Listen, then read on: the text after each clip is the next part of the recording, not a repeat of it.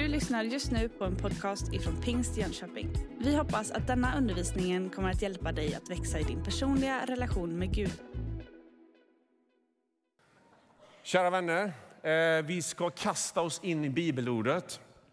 Och vi ska gå till Andra Mosebok, kapitel 2 och läsa ett par verser i slutet av kapitel 2 och sen in en bit i kapitel 3. Och det handlar om Mose. Så vi gör så att vi ställer oss upp i kyrkan. Och ni får följa med i texten här på skärmarna. Så läser vi från vers 23 i kapitel 2. Åren gick och kungen av Egypten dog och israeliterna suckade under sin träldom. De ropade i sin nöd och deras klagan steg upp till Gud. När Gud hörde deras jämmer tänkte han på sitt förbund med Abraham, Isak och Jakob och tog sig an israeliterna och gav sig till känna för dem. En gång när Mose vaktade fåren åt sin svärfar Jetro, prästen i Midjan, drev han dem till andra sidan öknen och kom till Guds berg Horeb. Där visade sig Herrens ängel för honom i en eldslåga som slog upp ur en törnbuske. När Mose såg att busken stod i låga utan att brinna upp tänkte han, vilken märklig syn. Jag måste gå dit och se varför busken inte brinner upp. Då Herren såg att han gick för att se efter ropade Gud till honom ur törnbusken. Mose, Mose. Han svarade, ja, här är jag. Herren sa, kom inte närmare, ta av dig dina skor, du står på helig mark. Och han fortsatte, jag är din faders Gud, Abrahams Gud, Isaks Gud och Jakobs Gud. Då skylde Mose sitt ansikte, han vågade inte se Gud. Herren sa, jag har sett hur mitt folk plågas i Egypten. Jag har hört deras klagorop över sina slavdrivare. Ja, jag vet vad de får lida och därför har jag stigit ner för att befria dem från egyptierna och föra dem från Egypten till ett land som är rikt och vidsträckt och som flödar av mjölk och honung. Det land där det nu bor kananéer, hetéer, amoreer, periser, hiver och jevuséer. Nu har israeliternas klagorop nått mig och jag har själv sett hur egyptierna plågar och förtrycker dem. Så gå nu, jag sänder dig till, till farao och du skall föra mitt folk, israeliterna, ut ur Egypten. Mose invände, hur skulle en sån som jag kunna gå till farao och föra israeliterna ut ur Egypten? Gud svarade, jag ska vara med dig och detta är tecknet som ska visa att det är jag som har sänt dig. När du har fört folket ut ur Egypten ska ni hålla gudstjänst på detta berg. Då sa Mose till Gud, om jag nu kommer till israeliterna och säger att deras fäders Gud har sänt mig till dem och de frågar efter hans namn, vad ska jag då svara? Gud sa, jag är den jag är. Säg åt dem att han som heter Jag är har sänt dig till dem. Herre, så tackar vi dig för förmånen här att få fira gudstjänst tillsammans. Tack för ditt ord som är levande och verksamt. Som skiljer själ och ande, ben och märg och blottlägger våra hjärtats uppsåt och våra tankar. Herre, tack för att ditt ord är liv. Och jag ber dig Gud herre, att vi nu en stund skulle få stanna inför detta här och att du skulle påminna oss om vem du är och vad du vill med våra liv. Hjälp mig och hjälp oss alla här att sitta med öppna hjärtan. Tack helige Ande för att du är i det här rummet och rör dig. Vi prisar dig i Jesu namn. Amen. Amen. Varsågod och sitt ner. Rubriken på min förkunnelse idag det är Mose använd av Gud trots allt. Och jag har fem saker jag vill säga. Och det första det är att Gud hör folkets rop. Det står faktiskt inte att de bad till Gud. Det står inte att Gud hörde deras böner, utan det står att Gud eh, identifierade deras jämmer, deras rop. Och jag tycker det finns en skillnad på detta. Och det är väldigt, väldigt härligt och trösterikt att förstå att Gud registrerar mänsklighetens rop. För ibland tänker vi att det handlar om vad jag lyckas formulera i min bön. Om jag liksom träffar rätt, då hör Gud det här området. Men Gud han registrerar det rop som du och jag bär i våra hjärtan. Gud registrerar det rop som människor i vårt samhälle bär i sina liv trots att de inte ens vet åt vilket håll de ska, ska ropa det ropet. Gud han hör det rop som en ung generation idag bär i sina hjärtan.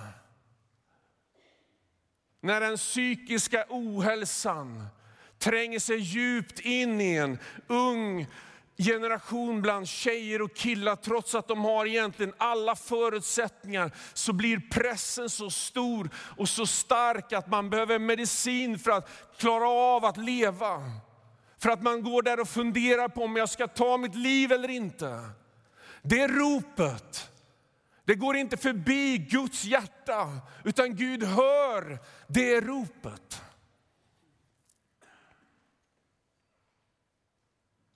Det finns många rop. Vi skulle kunna ägna resten av den här gudstjänsten åt att beskriva alla de rop och allt det jämmer som finns i vårt samhälle. Men jag ska istället vända på det och peka mer på vad Gud vill göra för det, åt det rop som finns bland människorna. Guds öra är vänt emot jorden. Min andra punkt är att Gud här då väljer att ge sig till känna. Det stod där i slutet på kapitel 2 att han tänkte på sitt förbund med Abraham, Isak och Jakob. Och han bestämde sig för att ge sig till känna för folket. Hur ger Gud sig till känna för människor i vår tid? Ja, vi vet ju att, vi kan ju historien, vi vet att längre fram i Nya Testamentets tid så bestämmer sig Gud för att sända sin son. Jesus Kristus som har varit till från begynnelsen, som inte är skapad utan som är skaparen. Ordet som blev kött, som blev född av jungfru Maria som eh, föddes in till jorden, som avsade sin, sin härlighet som Gud för att bli som en av oss. Han kommer hit och han säger att den som har sett mig, han har sett Fadern. Så när vi ser Jesus så ser vi Gud. Genom Jesus har Gud gett sig till känna. Han har visat vem han är. Men det stannar inte där. Utan det Jesus säger, det är bäst för mig, bäst för er att jag går bort. För om inte jag går bort så kommer inte hjälparen till er. Och när hjälparen kommer, då ska han ge er det ni behöver för att visa världen vem jag är. Fritt översatt. Kan jag få lite vatten? Skriker så förfärligt så att jag behöver lite vätska. Tack.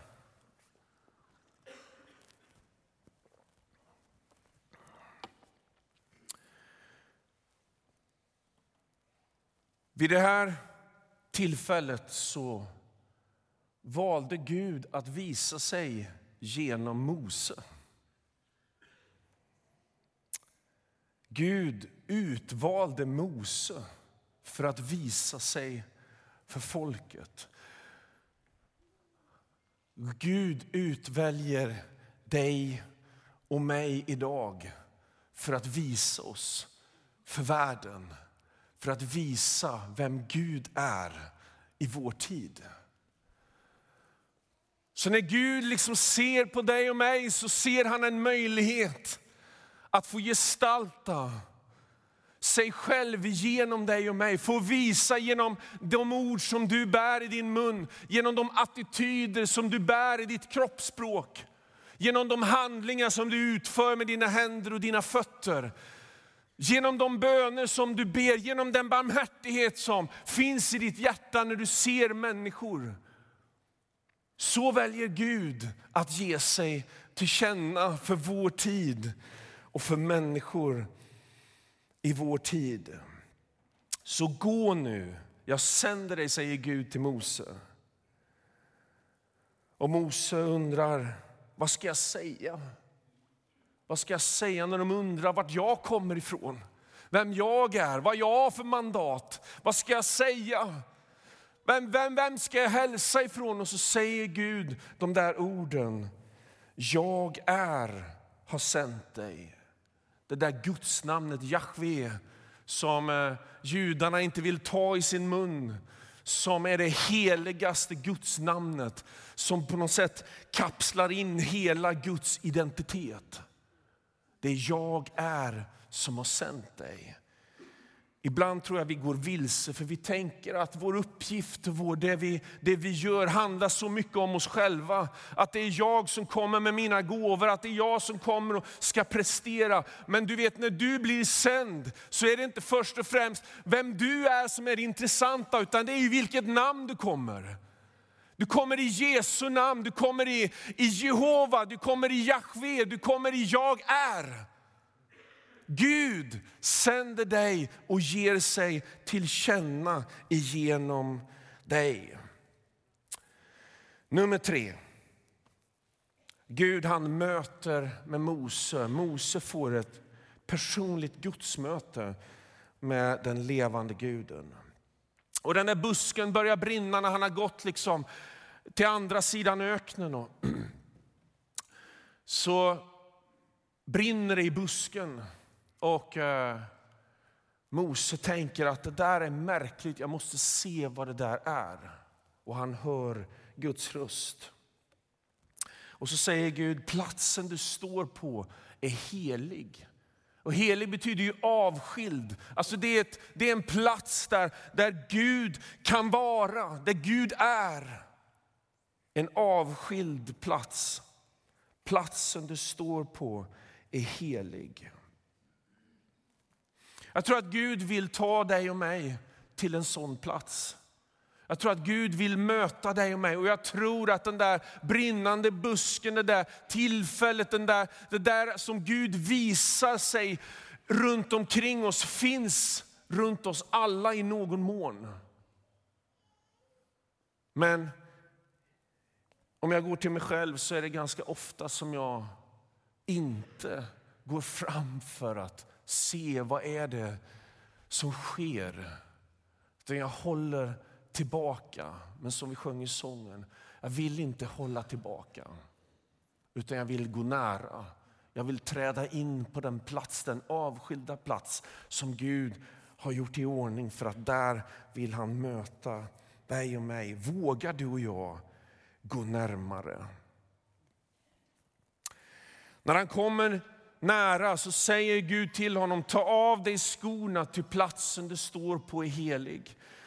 Och det där skulle man kunna liksom säga många saker om. Men en sak som, som har fastnat hos mig när jag har läst den här texten, det är att när Gud säger till Mose att han ska ta av sig skorna, för platsen du står på är helig, så betyder det att det som var liksom emellan, det som skilde Mose från heligheten, det fick han ta av sig för att få direkt kontakt med Guds närvaro. Jag var på semester om mina döttrar och min hustru i, i Afrika över jul och nyår. Och vi avslutade vår resa med några dagar på Zanzibar och bodde där på ett hotell. Och det var härligt, stränderna var fantastiska och hotellet var helt okej. Okay. Eh, och när jag skulle duscha där på, på kvällen så jag hade badat, eh, jag hade badbyxorna med mig in i duschen och jag eh, duschade och sköljde ur mina badbyxor och sen så tänkte jag ska hänga upp dem någonstans. Men det där med att sätta krokar på väggarna, det hade liksom inte landat riktigt hos det här hotellet så det fanns ingenstans att göra av de här brallorna nu när de var blöta. Men då såg jag till min glädje att på väggen där inne i duschen så, så hänger ju varmvattenberedaren och så fanns det två kranar under. Och eh, det var en bra plats, tänker jag. Där hänger jag upp mina badbyxor. Så jag, när jag har sköljt ur dem så hänger jag upp dem på kranarna och i samma veva som jag gör det så bara smäller det till i hela kroppen och jag faller pang ner på golvet. Då är det ju någon elektriker som inte har förstått det där med jord. Så hela apparaturen var ju strömförande.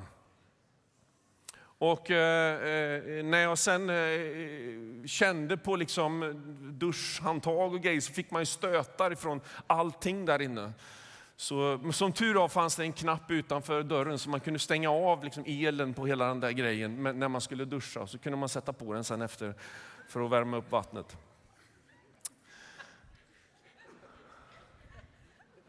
Jag hade behövt någonting emellan kraften. Jag hade behövt ett skydd, jag hade behövt ett par gummihandskar, jag hade behövt ett par foppatofflor. Någonting som skilde mig från kraften. Och det här är ju en omvänd bild, det förstår ni. Men när Mose träder in på den heliga platsen så säger Gud till honom, ta av dig skorna för nu vill jag att min närvaro ska få direkt kontakt med dig. Och jag tror att Gud säger det till dig och mig idag. Bo-Göran, ta av dig skorna. Ta av dig det där som står emellan dig och mig. Ja, men Herre, hur ska jag göra det? Jo, jag har tagit allt på korset, säger Jesus. Jag har tagit all din synd, jag har tagit alla dina misslyckanden. Jag har tagit allt som skulle kunna stå i vägen mellan dig och mig. Ta av dig dina skor och få direkt kontakt med Guds närvaro. Och Det liksom är början på Mose resa. När Gud ska ge sig till känna genom Mose. Det börjar med det där personliga mötet med Gud där Guds ande, där Guds närvaro får röra vid ditt liv. I den här närheten så synliggörs ju behovet av nåden. Jag tänker på Petrus som blir kallad av Jesus. När han, eh, Petrus, eller Jesus har klivit ut i Petrus båt och de ror ut en bit från stranden och, och Jesus håller sin förkunnelse och sen så kommer de in där. Han är ju fiskare Petrus. Och sen så när de eh, har liksom gjort, Jesus har predikat färdigt och Petrus har grejat färdigt med sina nät så säger Jesus till honom, kom och följ mig. Jag ska göra dig till människofiskare. Och då faller Petrus ner på sina knän och så säger han, gå bort ifrån mig för jag är en syndare. Du vet, I det där mötet, i det där nära mötet med Gud så, så, upp, så blir behovet av nåden tydligt.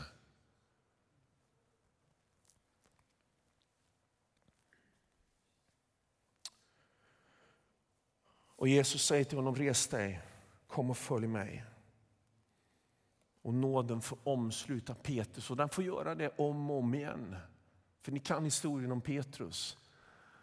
Han liksom till och med förnekar att han har träffat eller känt Jesus överhuvudtaget. Trots att han har bedyrat att han ska gå i döden för sin mästare. Så behovet av nåden finns där genom hela Petrus liv. Mose har ju samma typ av reaktion. Han säger, hur skulle en sådan som jag, hur skulle en sådan som jag kunna göra detta? Och kanske är det så att Mose tänker tillbaka på det som hände 40 år tidigare. När han efter att ha blivit växt upp i faraos hov, som är liksom en del av kungahuset. Och så börjar han reflektera över sina rötter. Och så inser han att jag är ju hebré i botten. Och så går han ut för att besöka sitt folk. Och så ser han hur en av vakterna slår ihjäl en av arbetarna. Eller piskar en av arbetarna och Mose blir liksom heligt vred och slår ihjäl den här killen och, inser att det var inte så bra så han försöker gömma honom i sanden. Men det där upptäcks och sprids som en löpeld och Mose får ge sig ut i öknen och han får liksom sadla om till herde och han möter geter och han får sin hustru. Och han är där i 40 år. Och de drömmar och visioner som han en gång hade när han tänkte på liksom den position som, som han ägde i, i kungahuset. Alla de drömmarna var fullständigt raserade. Och han hade gått under lång, lång, lång, lång, lång tid och känt att jag är misslyckad. Vem är väl jag? Hur ska en sån som jag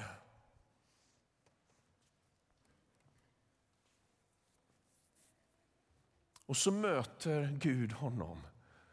Och så ger Gud honom den här uppgiften att vara hans språkrör, att vara den som Gud vill ge sig till känna genom. Och mina vänner, det finns inte en enda människa av oss som inte Gud vill använda. Och du kanske tänker, ja, men min tid har gått. Mitt tåg gick för länge sedan. Jag hade en gång drömmar, jag hade en gång en vision, jag hade en gång en, en djup längtan. Men nu har det hänt saker i mitt liv som gör att jag, jag känner mig diskvalificerad. Men Gud utvalde Mose och han var en mördare. Han hade dödat en annan människa. Kan Gud använda en sån? Uppenbarligen. Kan Gud använda mig? Av någon märklig anledning. Kan Gud använda dig? Jag tror att vi alla, när vi har kommit på den där platsen och fått tagit av oss skorna och fått direkt kontakt med Guds närvaro så finns det en väg för dig och mig att stå i tjänst för Herren. Gud vill använda dig. Jag ska vara med dig. Vet, Mose han hade flytt sina problem under 40 år istället för att ta tag i dem. Istället för att ta sitt straff, istället för att liksom göra upp en gång för alla. Så hade han gömt sig och han hade dragit iväg. Och trodde att han liksom på det sättet skulle kunna få frid. Men han fick aldrig frid förrän Gud mötte med honom. Gud upprättade Mose. Du vet, Gud söker inte perfekta människor utan han söker villiga hjärtan. Det är någonting som jag liksom känner både i mitt eget liv och har sett så många gånger att, att hjärtats längtan trumfar gåvorna eller talangen alla gånger i Guds rike. Så om du har en längtan, då räcker det. Om du har ett hjärta som vill tjäna Gud så räcker det. Punkt nummer fyra. Men om de nu inte tror mig, alltså ni ser ju att Mose har ju en, en, en dialog, och det har vi inte läst än, men det står ju vidare här i texten. Det är en väldigt intressant dialog som pågår här för, för Mose han, han liksom tvekar om och om och om igen. Och det kanske är så med dig och mig också. Fast vi har fått känna Guds närvaro i våra liv, trots att vi har fått det där bönesvaret, trots att vi har känt den heliga Andes närvaro i våra hjärtan, så kan vi ändå tveka. Därför att vi, vi ser liksom oss själva i ljuset av Guds storhet och vi får inte ihop ekvationen. Hur skulle jag? Och nu var frågan, men om de inte tror mig, i kapitel 4 i Andra Mosebok så säger Mose, men om de inte tror mig och inte lyssnar på mig utan säger att Herren har inte uppenbarat sig för mig. Då svarade Herren, vad har du i handen? En stav, svarade Mose. Kasta den på marken, sa Herren. Mose kastade den på marken och den förvandlades till en orm. Vad har du i handen? Och Mose han tittar liksom i sin hand och Ja, jag har ju en stav. En herdestav som jag har brukat i, i 40 års tid. Som jag har haft med mig när jag har vallat fåren. Den liksom är som en integrerad del av Mose. Den är som en förlängd del av hans liv. Han har den där staven, det är liksom hans, han känner sig så otroligt hemma med sin stav. Och jag tycker pedagogiken hos Gud är ju alldeles lysande. Vad är det du har i handen? Det är liksom inte gå och hämta någonting som du inte känner till. Det är som för David när han ska möta Goliat. När Saul försöker sätta på honom sin egen rustning och han känner att men jag kan inte gå med de här grejerna. Det, jag är inte van och det är för stort och det är för bökigt. Och så får han lägga av sig Sauls rustning och så får han ta fram sin slangbälla. Det som han är van med, det som han har använt så många gånger när han har varit herde. Och han går ner och hämtar några släta stenar och han lägger upp sin slangbälla och han skjuter och jätten faller på första försöket. Och Gud använde det som David hade i sin hand. Vad har du i din hand? Vad har Gud lagt ner i ditt liv? Ja, vad har jag i min hand? Ja, jag är ekonom. Ja. Kan det vara en stav? Ja, jag är ganska bra på att lyssna. Det kanske är din stav. Jag kan spela piano. Ja, det kanske är din stav. Jag är bra på att organisera. Ja, det kanske är din stav. Vad har du i handen? Jag tror Gud ställer samma fråga till dig och mig idag. Vad har vi i handen? Vad är det vi liksom är vana med? Ibland tänker vi att vi ska göra någonting helt annat. Att nu kommer jag in i Guds rike, nu ska jag tjäna Gud och då ska jag bli någon helt annan person och göra något helt annat. Och det är liksom någon slags dräkt som man ska dra på sig. Nej, vad har du i handen? Vad har Gud lagt ner i ditt liv?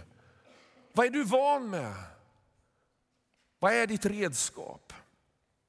Och sen säger Gud det där intressanta till Mose. Kasta staven på marken. Och om man nu får dra en växel på den, liksom det som händer här, så tänker jag att det jag har i min hand, det jag är van med, det Gud vill använda, det måste jag också vara beredd att lägga ifrån mig. Jag måste vara beredd att kasta det ifrån mig. Vet du, ibland är det så att vi tänker att vi håller fast liksom vid det vi har. Men Gud han vill utmana dig. Och Det här tror jag faktiskt är en hälsning från Herren idag. Gud vill utmana dig att våga släppa taget om det du håller i din hand. För att när du släpper taget om det så gör Gud någonting med det som blir ett tecken på vem han är.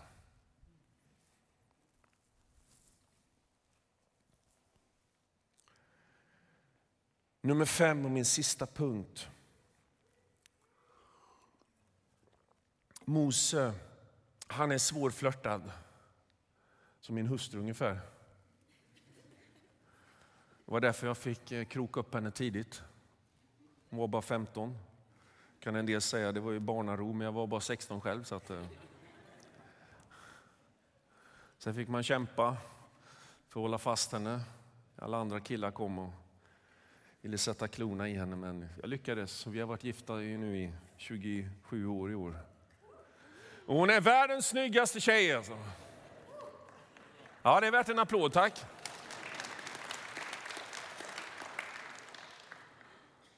Nu spanar jag ut se om hon, är, om hon är här, jag vet inte riktigt. Det är sånt där man får äta upp sen när man kommer hem. kommer jag knappt ihåg vad jag skulle säga, men det, det brukar vara så när man tar ut svängarna lite. Nej, men Mose var svårflörtad och trots allt det Gud har visat honom och så, så har han fortfarande invändningar.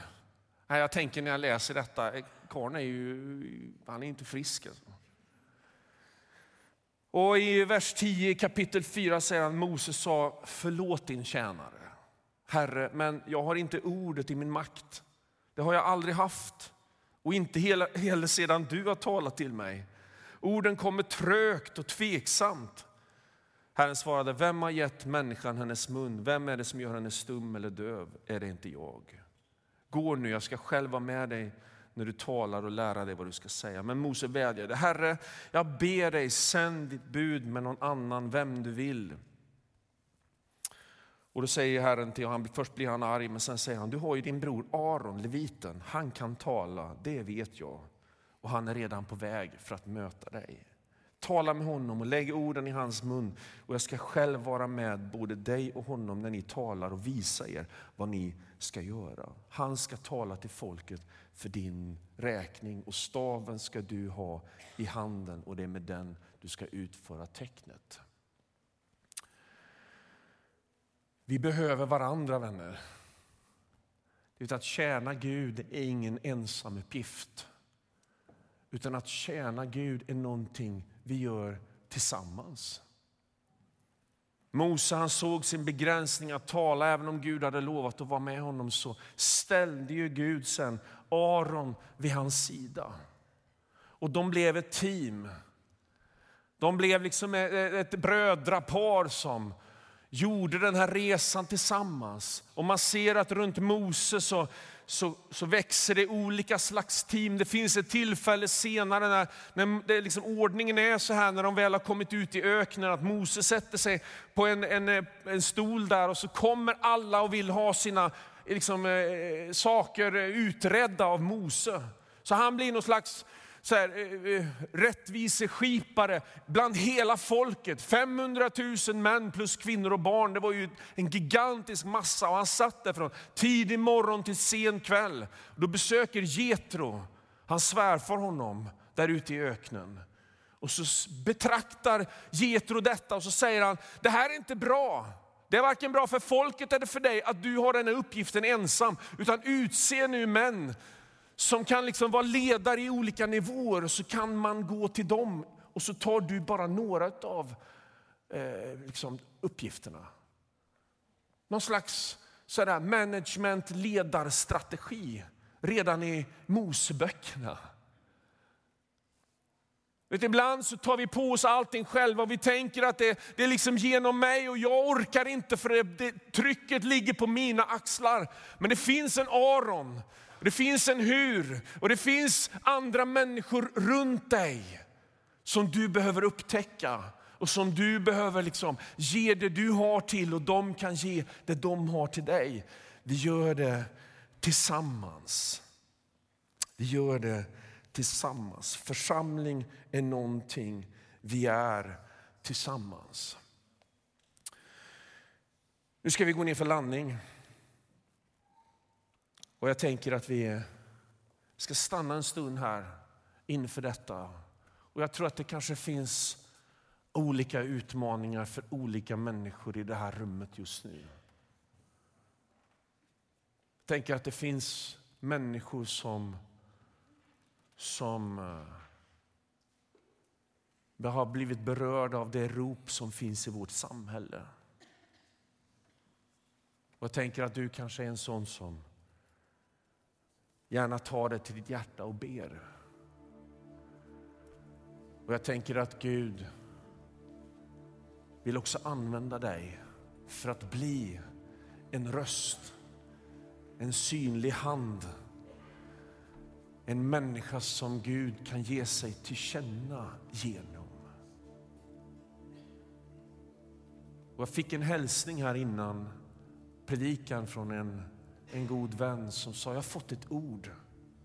Och det ordet är mod. Och jag tänker att det behövde jag. men Jag tror att du behöver det också. Modet att faktiskt närma dig busken som brinner, Guds närvaro. Våga ställa dig där på, på helig mark. Kanske är du en sån som har betraktat på avstånd under allt för länge. Kanske har du varit orolig för vad ska hända om jag kliver in i Guds närhet. Ja, det finns någonting som kanske behöver avlägsnas i ditt liv när du står på den platsen. Kanske det finns någonting som du idag skulle behöva ge till Herren och säga Gud, jag lämnar det här i dina händer. Förlåt mig. Kanske är det så att du som likt Mose har liksom flytt ifrån någonting som finns långt bak i tiden. Något som du inte har vågat och liksom riktigt möta ansikte mot ansikte utan du har irrat runt i öknen för att hålla dig undan. Men du vet, idag tror jag faktiskt en dag där du behöver möta det och ge det till Herren. Kanske är du en sån som har sett på alla andra och tänkt att hur ska jag kunna passa in i Guds rike? Jag har ju inte en stav. Jag har ju inte en flygel. Jag har inte liksom tungan och gåvan att tala. men vad har du i handen? Vad är det Gud har lagt i ditt liv? Vad är det Gud har placerat i ditt liv? Är du, är du, är, vågar du släppa taget om det? För att låta det få bli det tecken som visar vem han är i ditt liv. Du har just lyssnat på en podcast ifrån Pingst Jönköping. För att få reda på mer om vilka vi är och vad som händer i vår kyrka så kan du gå in på pingstjonkoping.se eller följa oss på sociala medier via pingstjkpg.